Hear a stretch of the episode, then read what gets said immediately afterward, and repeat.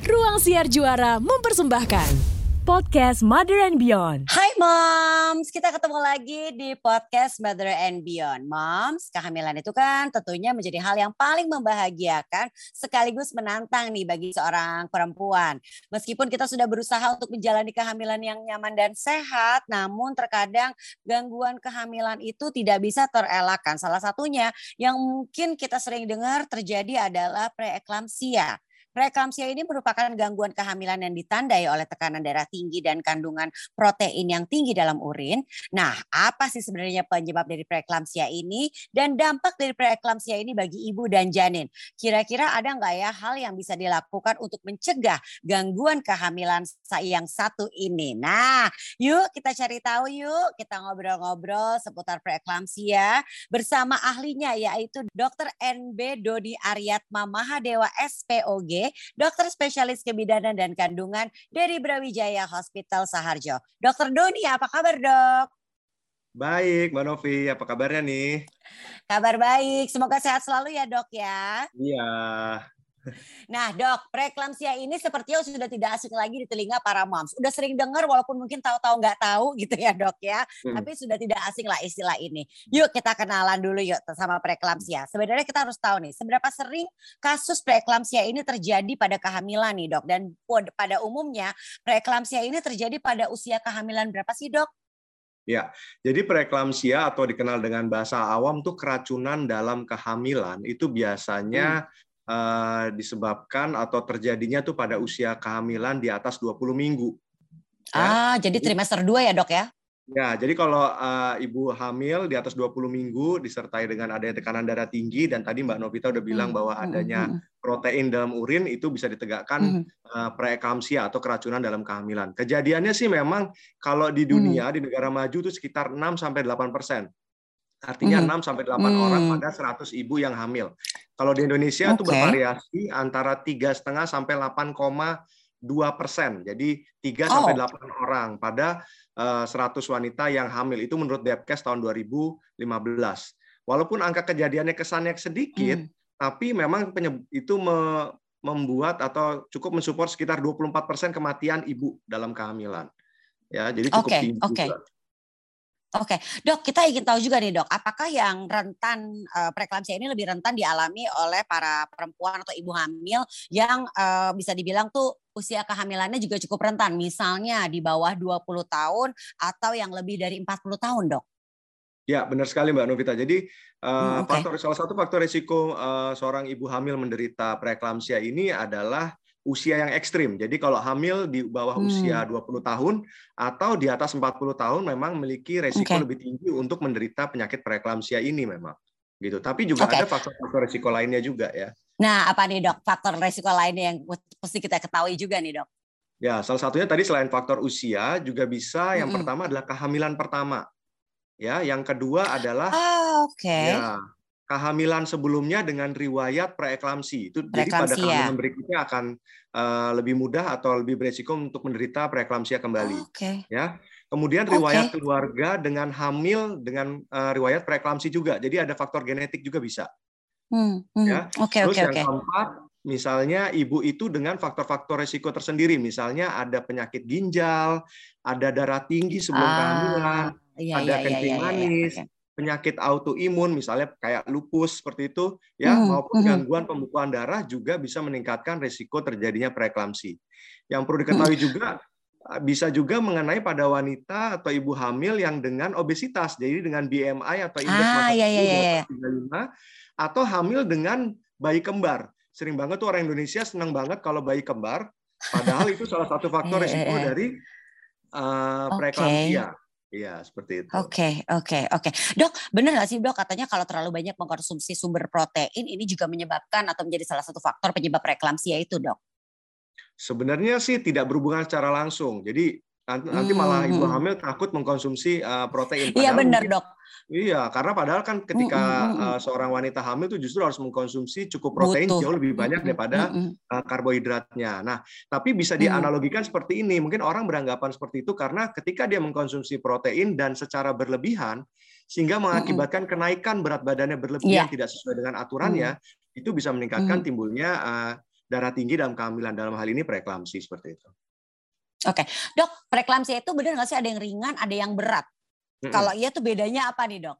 Ya, yang pasti adalah dari tekanan darahnya. Kalau yang ringan itu sekitar okay. 140 per 90 ya, dengan protein urinya mungkin kalau diukur dengan stick tuh mungkin masih positif satu. Sedangkan pada preeklamsia berat ini udah lebih tinggi lagi, yaitu 160 hmm. per 110 hmm. atau per 90 di bagian bawahnya. Dan itu disertai dengan keluhan-keluhan yang lainnya. Jadi labnya okay. buruk atau ada keterlibatan multiple organ. Jadi organ paru hmm, atau okay, okay. organ bagian hati maupun ginjal itu sudah masuk ke dalam kriteria preeklamsi berat seperti itu.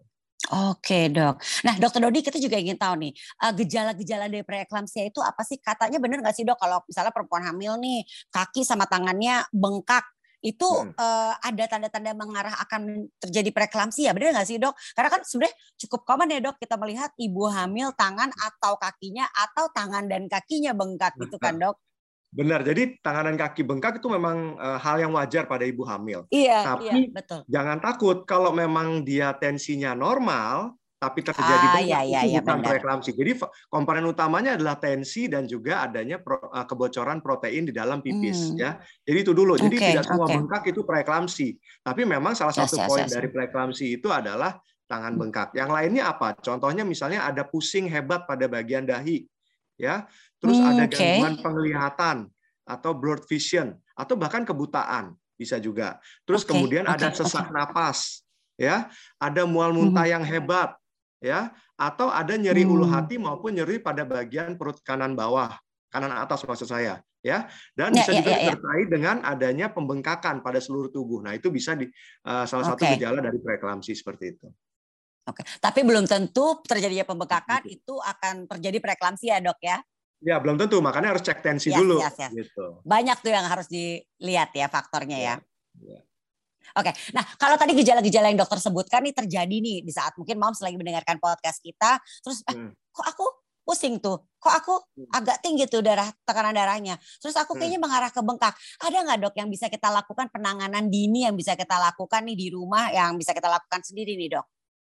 Ya, jadi kalau memang mengalami keluhan-keluhan tadi, yang pertama adalah harus beristirahat dulu. Coba deh istirahat dulu. Mungkin aktivitasnya hmm, terlalu okay. uh, berat atau okay, okay. Uh, terlalu, misalnya kerja terlalu kecapean sehingga akibatnya pusing atau segala macam. Tapi istirahat dulu hmm. dan kalau bisa diukur tensinya karena penegakan diagnosisnya hmm. di sana. Ya, kalau misalnya ternyata hmm, ya, tensinya ya, ya. tinggi atau keluhannya tidak hmm, hmm. setelah beristirahat, hmm. segera deh ke rumah hmm. sakit.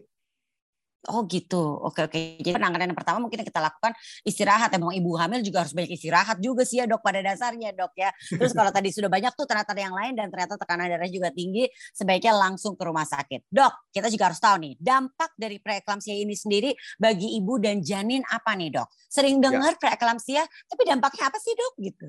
Ya, jadi kalau dampak preeklamsia pada ibu, yang pertama adalah bisa kejang, hmm. yang disebut dengan eklamsi.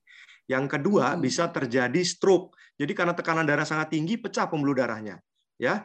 Yang ketiga hmm. bisa terjadi yang dinamakan dengan sindrom HELP. Jadi adanya peningkatan uh, dari enzim yang uh, ada di hati, kemudian turun trombositnya disertai dengan adanya hmm. uh, darah yang pecah atau hemolisis. Ya. Yang keempat hmm, adalah okay. bisa juga terjadi multiple organ failure, contohnya gagal napas karena paru-parunya terendam atau edema paru, hmm, gagal ginjal, gagal hati maupun gangguan pembekuan darah ya dan tekanan okay. darah yang tinggi juga bisa berimbas pada lepasnya ari-ari sebelum bayi itu lahir yang dinamakan dengan solusio plasenta Ah ya ya ya ya ya ya ya, nah, ya betul. Itu yang terjadi betul. pada ibu. Sedangkan kalau pada bayi karena aliran darahnya itu terhambat, itu bisa mengakibatkan hmm. pertumbuhan janinnya terhambat tuh. Jadi kecil dan hmm. berat badan hmm. lahirnya rendah. Serta meningkatkan hmm. resiko terjadinya persalinan prematur. Jadi sering banget pada ibu-ibu dengan uh, preeklamsia ah, ya, betul, itu akhirnya betul, prematur betul. seperti itu. Dan yang bisa Nggak juga paling bulan paling ya. kita tidak mau adalah IUFD atau bayinya meninggal. Ya itu juga sering terjadi. Ah. Oke oke. Jadi memang nggak boleh dianggap enteng kayak preeklamsia ini ya dok ya memang harus ya, segera benar. ditangani ya kalau ya. emang mengalami tadi gejala-gejala yang dokter sebutkan. Tapi boleh tahu nggak sih dok cara mengatasinya atau pengobatan dari preeklamsia ini sebenarnya apa sih yang dilakukan dok? Ya, sebenarnya pengobatannya itu tergantung dari derajatnya. Dia preeklamsia ringan atau berat. Nah, biasanya dokter akan memberikan yang pertama karena tensinya tinggi akan diberikan obat penurun tekanan darah. Kemudian hmm. kalau misalnya ternyata sangat tinggi dan bisa meningkatkan risiko kejang, akan diberikan obat untuk menurunkan uh, risiko terjadinya kejang dengan pemberian MGSOM. Hmm. Ya. Dan yang terakhir, biasanya ini kan terjadi pada usia kehamilan di atas 20 minggu dan jarang banget cukup bulan.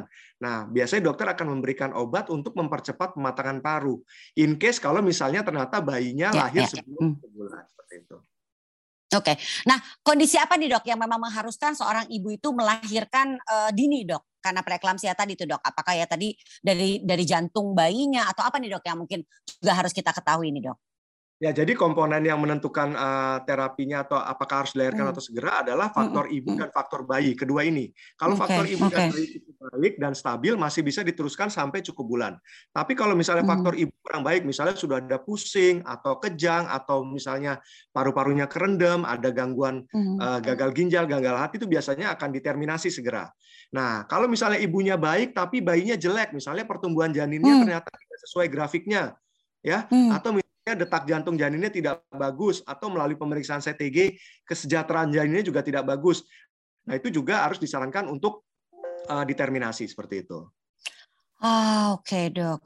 Dok, kalau preeklamsia tidak tertangani dengan cepat, apakah akhirnya bisa menyebabkan eklamsia, Dok? Eklamsia memang artinya sudah kejang. Nah, jadi kalau preeklamsia yang tidak tertangani dengan baik bisa berujung pada kejang. Hmm. Dan jeleknya okay. kejang ini tidak tergantung dari tekanan darah.